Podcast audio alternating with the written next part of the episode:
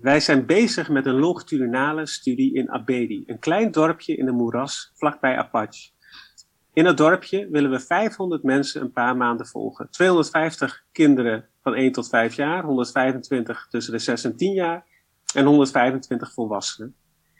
De eerste groep is grotendeels niet immuun voor malaria en ziet de meeste ernstige ziekte en sterfte.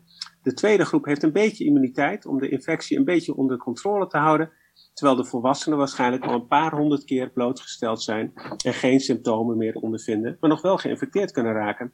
In ons cohort kunnen we de verschillen in immuunrespons tussen leeftijdsgroepen bekijken en in de tijd bestuderen waarin de kinderen die beschermd zijn verschillen van hun leeftijdsgenoten die wel ziek worden of zelfs overlijden. Soortgelijke studies zijn al vaker gedaan, maar met conflicterende resultaten en nooit met onze hippe nieuwe technieken.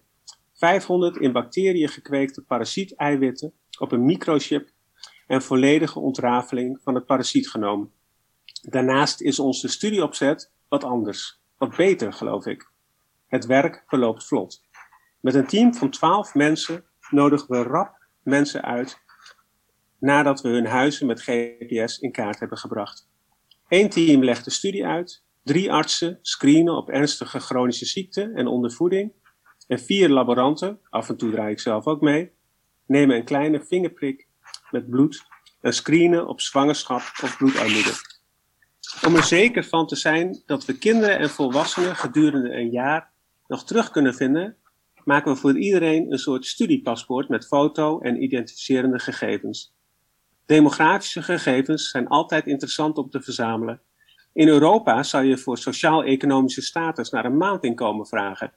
Hier kan dat uiteraard niet en komt het neer op een gewogen som van luxe bezittingen als een fiets, een polshorloge, een matras, een golfplatendak of een veestapel.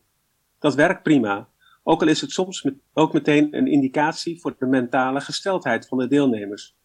Zo bleken de twee rijkste gezinnen een televisie te bezitten, terwijl er helemaal geen elektriciteit is in Abedi. Ik heb uit, eh, uit meligheid bij hen ook naar een iPad geïnformeerd, maar die grap kwam niet helemaal over.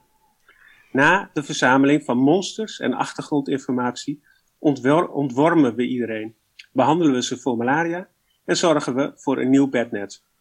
Zo kan iedereen met een schone lei aan de studie beginnen en voorkomen we hopelijk ook een deel van de sterfte. Daarna begint het tijdrovende werk.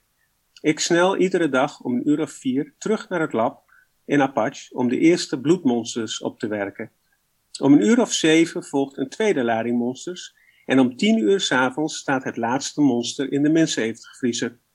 Die vriezer heeft twee nadelen. Allereerst wordt het erg heet in het lab, zodat het zweet met de handschoenen uitloopt. Daarnaast vreet het, het apparaat uiteraard energie.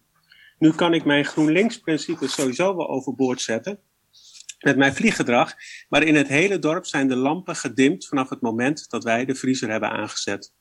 Als er geen stroom is, zoals vandaag en gisteren de hele dag, draait het lab op een dieselgenerator. Met ons stroomverbruik komt dat neer op een kleine 100 liter diesel per dag.